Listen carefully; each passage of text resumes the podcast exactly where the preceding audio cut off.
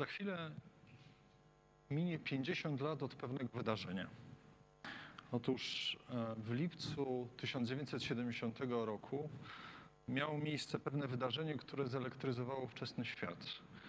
Otóż w kosmos, na Księżyc startowała załoga pod e, przewodnictwem Jimmy'ego Lowella. I miał być to kolejny lot, który miał zakończyć się sukcesem, sprawić, że kolejni ludzie staną na srebrnym globie. Ale po pewnym czasie nastąpiła kompletnie nieprzewidywalna rzecz awaria. I ich życie i to, co z nimi się stanie w ciągu najbliższych dni, stanęło pod wielkim znakiem zapytania. Nikt z nas raczej nie pamięta, albo powiedzmy niewiele, niewielu z nas. E, w 1970 roku moi rodzice zastanawiali się, czy się pobrać ze sobą, ale tą historię możemy znać z ekranizacji e, Rona Howarda pod tytułem Apollo 13. Gdy przyglądamy się sytuacji tej załogi, tych trzech mężczyzn zamkniętych w statku kosmicznym, widzimy ich przeżywających olbrzymi stres, przeżywających głód, bardzo niską temperaturę i niepewność nie tylko tego, co się stanie z nimi jutro, pojutrze, ale co się z nimi stanie tuż za chwilę. Ta niepewność towarzyszyła im na każdym, na każdym kroku. I to, co najgorsze, tak naprawdę nie wiedzieli, co robić. Nie wiedzieli, co oni mogą zrobić, żeby jakoś się uratować. I oglądając ten film, oglądając naprawdę wspaniałą rolę choćby Toma Hanksa, możemy wczuć się w ich położenie, współczuć im, zastanawiać się, co oni przeżywają. I również cały ówczesny świat mocno przeżywał i zastanawiał się,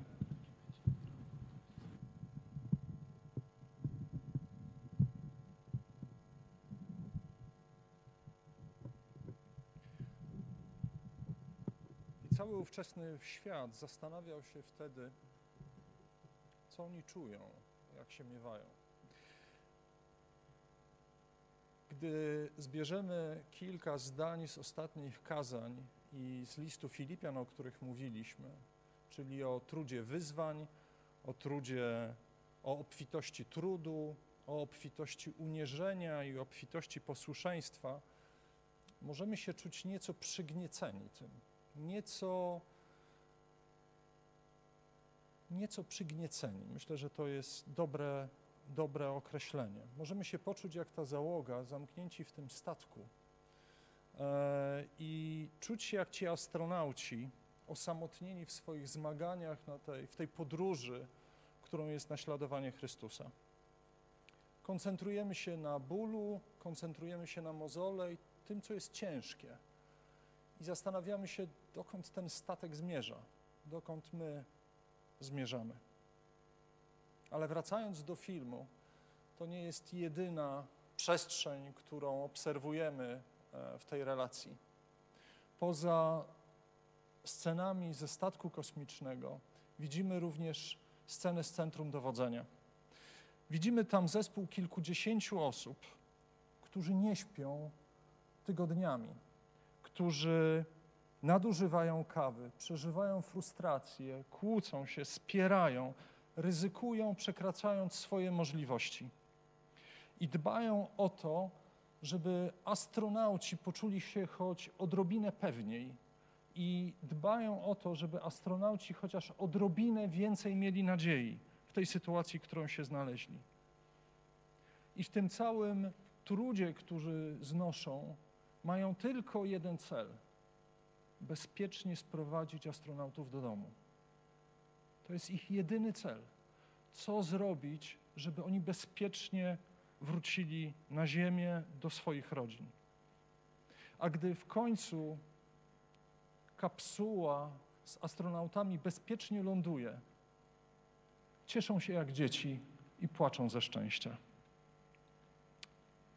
Czyż nie my chcielibyśmy również mieć taką grupę za nami, która nas wspiera, która się cieszy, dopinguje, która poświęca się dla nas? chcielibyśmy, a może ją mamy, tylko jej nie zauważamy. Historia Kościoła, którą obserwujemy w Nowym Testamencie, pokazuje, że my nie jesteśmy w drodze za Chrystusem samotnymi astronautami, skazanymi tylko na siebie w tej olbrzymiej przestrzeni. Historia pokazuje, że mamy kogoś obok siebie i kogoś za nami.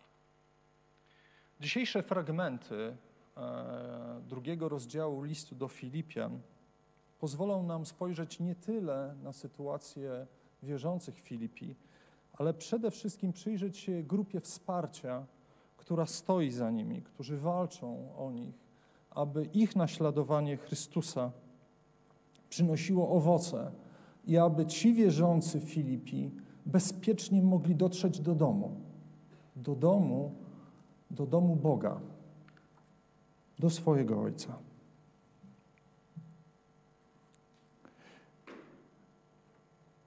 Zacznijmy od drugiego rozdziału, od dwunastego wersetu. Przeto umiłowani moi, jak zawsze, nie tylko w mojej obecności, ale jeszcze bardziej teraz, pod moją nieobecność, byliście posłuszni, z bojaźnią i ze drżeniem zbawienie swoje sprawujcie. Albowiem Bóg to według upodobania sprawia w was ich cenie i wykonanie. Czyńcie wszystko bez szemrania i powątpiewania abyście się stali nienagannymi i szczerymi dziećmi Bożymi, bez skazy pośród rodu złego i przewrotnego, w którym świecicie jak światła na świecie, zachowując słowa żywota ku chlubie mojej na dzień Chrystusowy, na dowód, że nie na próżno biegałem i nie na próżno się trudziłem. Ale gdyby nawet krew moja miała być dolana do ofiary i obrzędu ofiarnego wiary waszej, raduję się i cieszę razem z wami wszystkimi. Z tego tedy i wy się radujcie i cieszcie razem ze mną.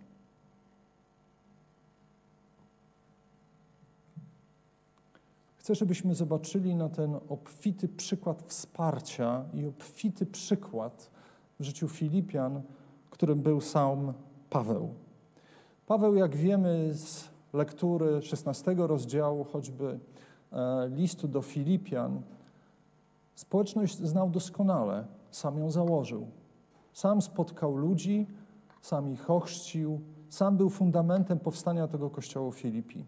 Odwiedzał go jeszcze raz, wspierając i zachęcając. I spójrzmy na Pawła przez pryzmat tego fragmentu, jak na ojca duchowego tych ludzi. Więc widzimy, że ich duchowy ojciec, Paweł, troszczy się przede wszystkim o ich życie duchowe. Przede wszystkim dba o to, żeby ich życie w Chrystusie przynosiło owoce. Docenia ich starania, to co do tej pory zrobili, ale również i zachęca do tego, żeby wzmożyć wysiłki, wiedząc, że brak Jego obecności może ich nieco rozprężyć wskazuje im, że to Bóg jest źródłem ich chęci i siły i wymaga, aby okazywać mu szacunek, zaufanie i posłuszeństwo Jego Słowu. Przypomina również im, że w Bożym zamiarze mają być czystymi, bez skazy i nieskalanymi. Dlaczego? Dlatego, że to oni mają być światłem dla tego złego, grzesznego i tkwiącego w ciemności świata wskazuje im jasno cel wytrwać do końca, wytrwać do tego ostatniego dnia, kiedy staną przed Chrystusem. I Paweł robi to, co robi prawdziwy ojciec. Zachęca, dopinguje, motywuje, wskazuje ich rolę wobec innych i najważniejszy cel, ale przede wszystkim wskazuje na prawdziwe źródło ich wiary, ich siły. Boga. Kolejne słowa Pawła są szczególnie poruszające, bo Paweł mówi o tym, że ich trwanie w Chrystusie, ich naśladowanie w Chrystusie jest dla niego najwyższą wartością, że on jest gotów ponieść wszelkie koszty, jest gotów poświęcić swoje życie, żeby tylko oni w Jezusie trwali i dotrwali do momentu stanięcia przed Nim. Nieważny jest koszt, mówi Paweł. Moje życie jest warte tego, żeby poświęcić je za Was. Wasza wiara jest warta tego, żeby swoje życie za nie wyłożyć. Czy są takie osoby w Twoim życiu, które troszczą się tak o Ciebie, które dbają o to, żebyś trwał w Chrystusie? Czy masz świadomość, jaką płacą cenę w swoim życiu za to, żeby Cię wspierać i wspomagać?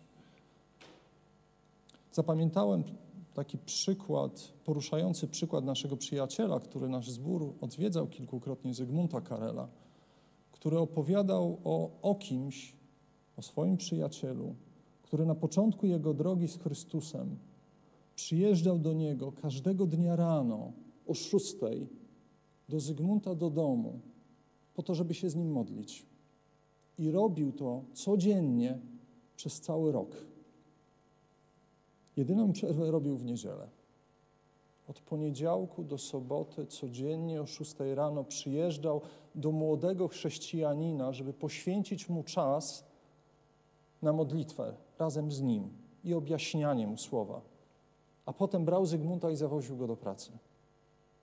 I tak dzień w dzień przez cały rok. Gdy myślę o swoim życiu, przypomina mi się mój przyjaciel Marek. W momencie, kiedy byłem w trudnej sytuacji w swoim życiu duchowym, kiedy oddzielony od Kościoła i zdany na swoje porządliwości, miotałem się i zastanawiałem się, jak moje życie ma wyglądać. I Marek poświęcał swój czas po to, żeby się ze mną kontaktować, zachęcać mnie do spotkań, zapraszał mnie wytrwale, nie zrażając się tym, że wielokrotnie zawodziłem. Zachęcał mnie do tego, żebyśmy razem studiowali Słowo Boże. Zabierał mnie do innych społeczności, żebyśmy mogli zobaczyć, jak wygląda życie, życie w Kościele. I myślę o tym ze wzruszeniem, bo gdy jestem nieco starszy, myślę sobie, że gdybym ja spotkał kogoś takiego, pewnie bym zrezygnował. Ale Marek nie zrezygnował. I Bogu jestem za niego wdzięczny, za jego wytrwałość, za, za, za to, że się nie zniechęcił. Gdy tutaj do Gdyni przyjechałem z całą rodziną, to już było prawie 17 lat temu, spotkaliśmy, spotkałem najpierw Zbyszka, potem Piotra. Nie mając również kościoła, zastanawiając się to, co dalej, zastanawiając się, co dalej z moim życiem, widziałem, jak Zbyszek zachęcał mnie do tego, do spotkań. Zabrał mnie najpierw na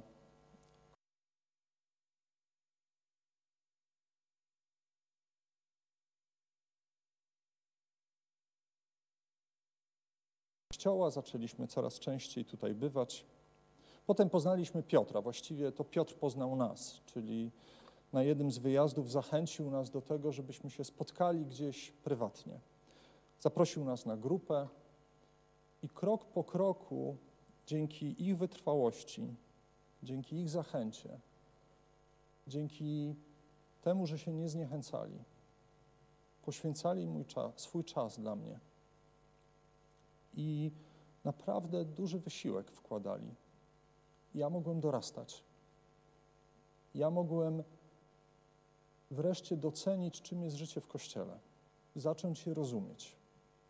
I chociaż nie jestem łatwym zawodnikiem, jak to mawiają niektórzy, to wiem, że mnie kochają i wiem, że mogę na nich polegać i mogę patrzeć na ich życie, obserwując, jak się modlą, obserwując, jak walczą o to, żeby być blisko Boga i czuć się pewny, że też mogę tego zrobić, też mogę tego dokonać. Zatem, kto w Twoim życiu jest taką osobą? W jaki sposób je doceniasz? W jaki sposób je wspierasz? Jak często modlisz się o nie? Jak często modlisz się o to, żeby one wytrwały w wierze, żeby wytrwały w chwili pokus, w chwili trudności, nie upadły, żeby mogły kontynuować służbę swoją.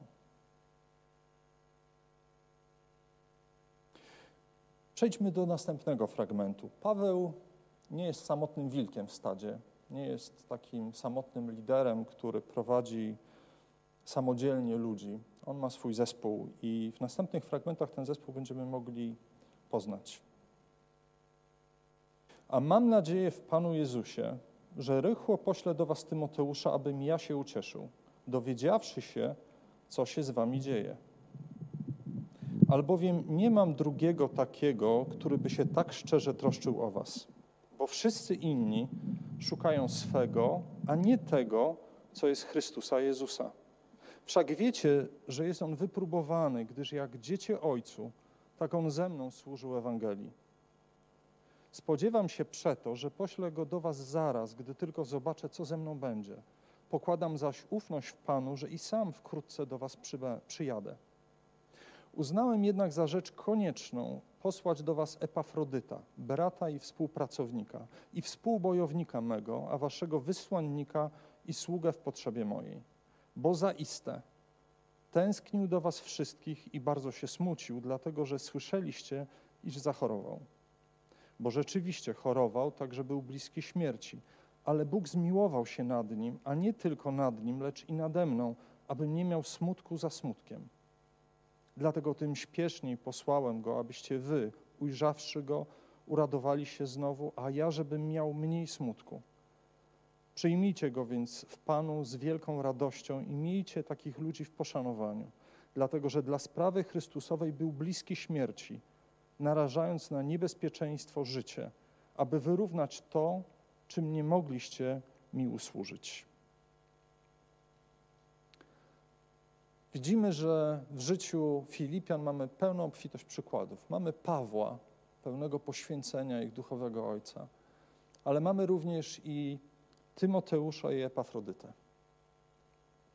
I Paweł przedstawia ich jako swoich współpracowników. Zresztą Filipianie, zwłaszcza tą drugą, tego drugiego, ale i Tymoteusza znają, bo Epafrodyt właśnie pochodził z Filipii, a Tymoteusz był z Pawłem podczas jego podróży w tym miejscu i pokazuje i wysyła ich nie tylko jako wsparcie, ale wskazuje ich również jako urzeczywistnienie tego, czym jest naśladowanie Chrystusa.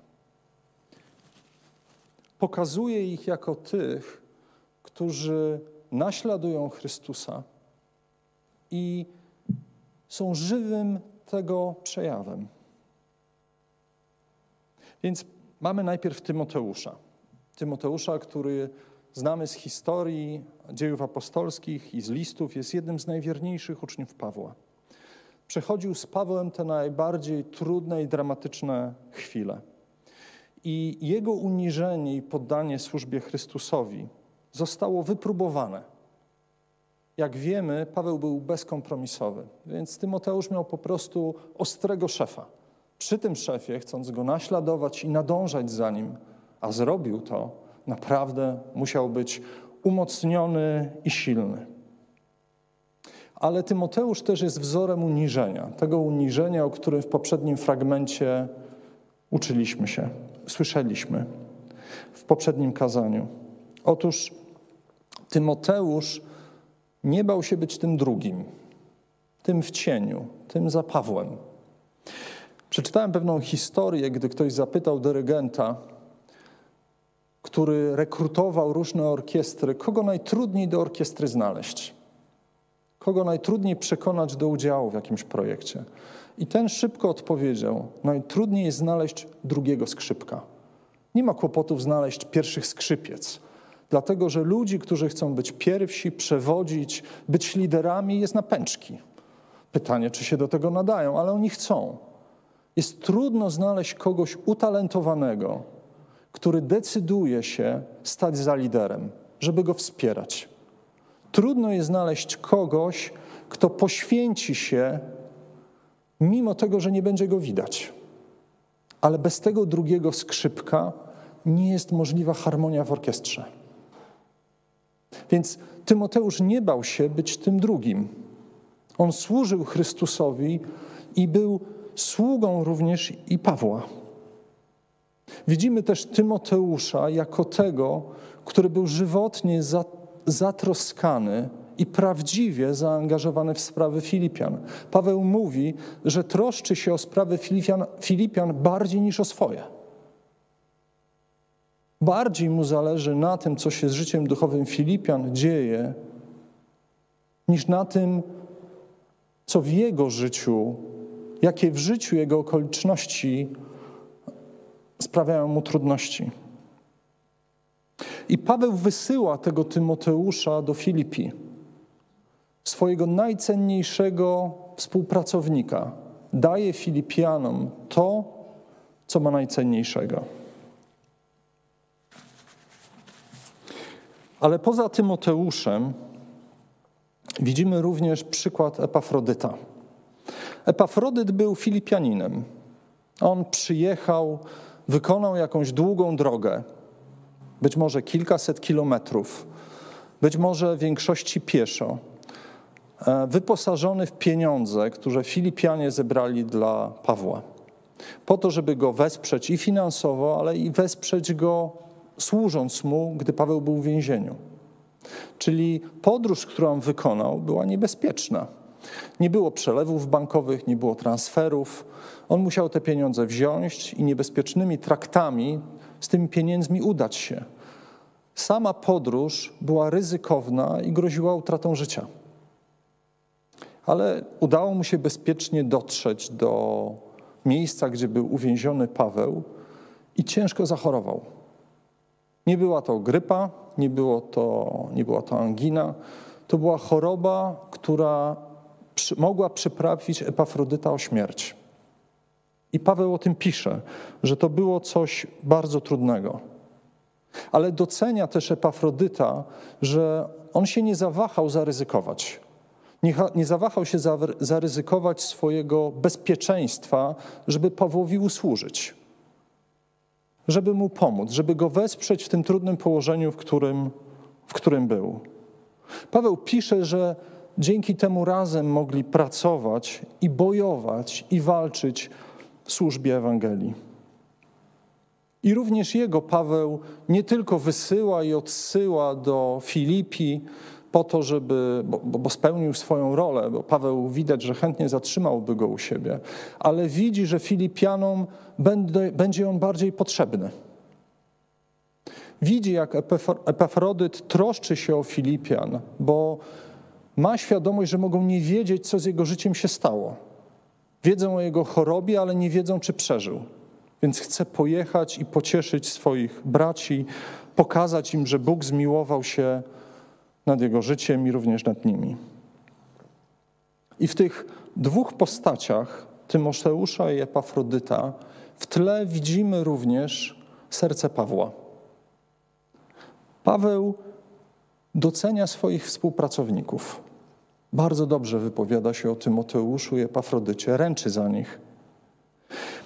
Paweł jest gotowy do poświęceń, jest w bardzo trudnym położeniu, jest w więzieniu nie może sobie zrobić zakupów, nie może swobodnie się przemieszczać, potrzebuje kogoś, kto przyjdzie do jego celi czy do miejsca jego uwięzienia i będzie mu służył w tych najprostszych rzeczach. Ale jednak wie, że Filipianie potrzebują bardziej jego, najlepszych współpracowników niż on. Bo Paweł troszczy się o życie duchowe Filipian jest w stanie nieść ciężar osamotnienia, poczucia zostawienia, po to tylko, żeby Filipianie byli bardziej zbudowani. Widzimy Pawła serdecznego, współczującego wobec ludzkich problemów. On naprawdę się przejął tym, że Epafrodyt mógł umrzeć. I naprawdę przejął się tym, że jego choroba mogła zasmucić i zasmucić jego braci Filipi. Jakże wiele możemy dowiedzieć się o sercu Pawła da Filipian, o jego trosce, poświęceniu i zaangażowaniu. A wszystko po to, żeby Filipian postawić przed Chrystusem, gdy On przyjdzie albo ich wezwie, nienagannymi, trwającymi przed Nim. Obfitość przykładów naśladowców Jezusa, jakimi był Paweł, Tymoteusz, Epafrodyt, był na pewno wsparciem i źródłem radości dla Filipian. Cała Biblia, szczególnie Nowy Testament, pokazuje przykłady osób, które poświęcały się, służąc Jezusowi, ale również poświęcały się dla innych, żeby ich przybliżać do Boga.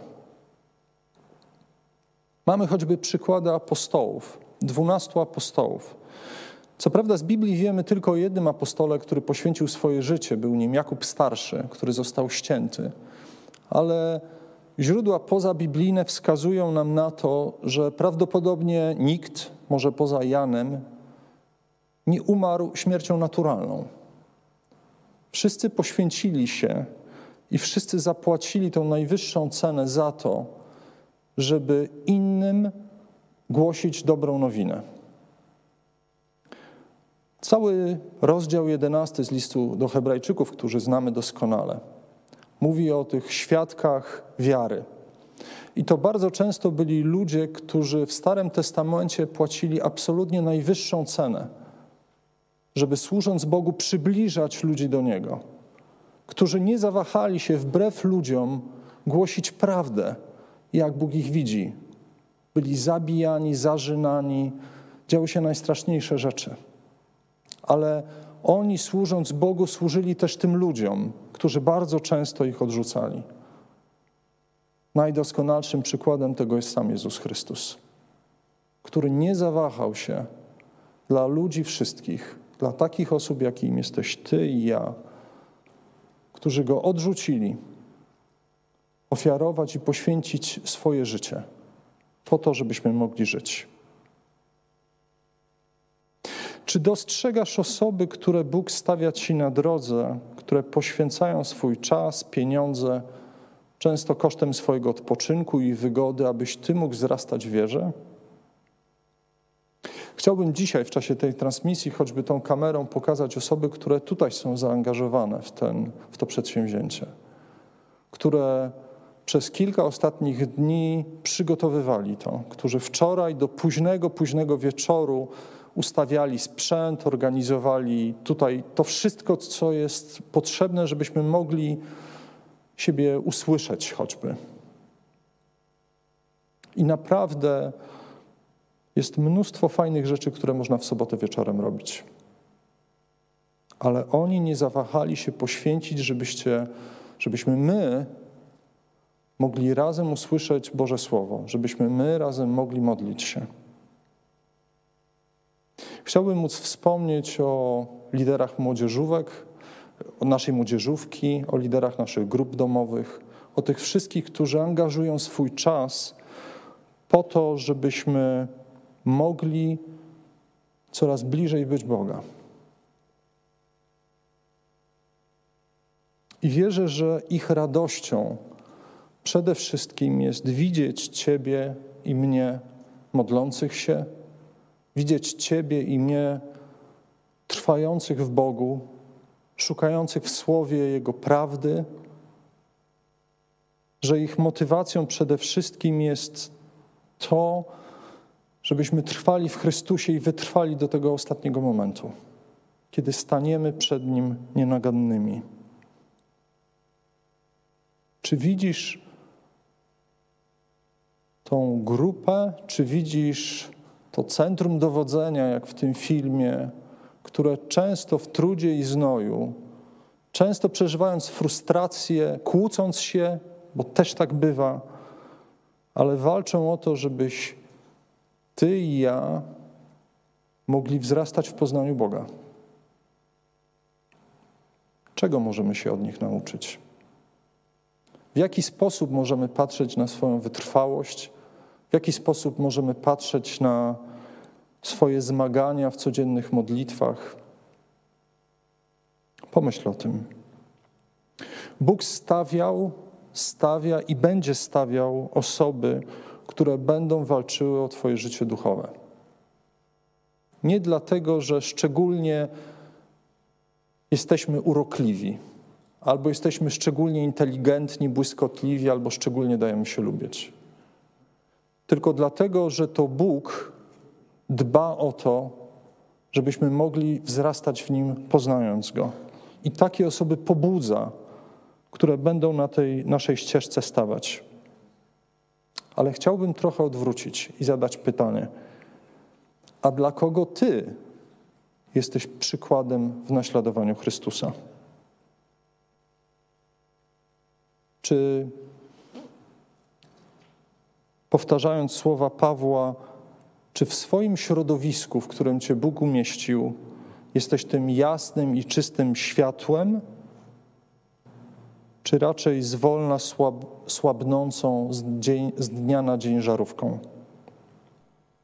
W jaki sposób zabiegasz o życie duchowe tych ludzi, których Pan Bóg postawił wokół Ciebie?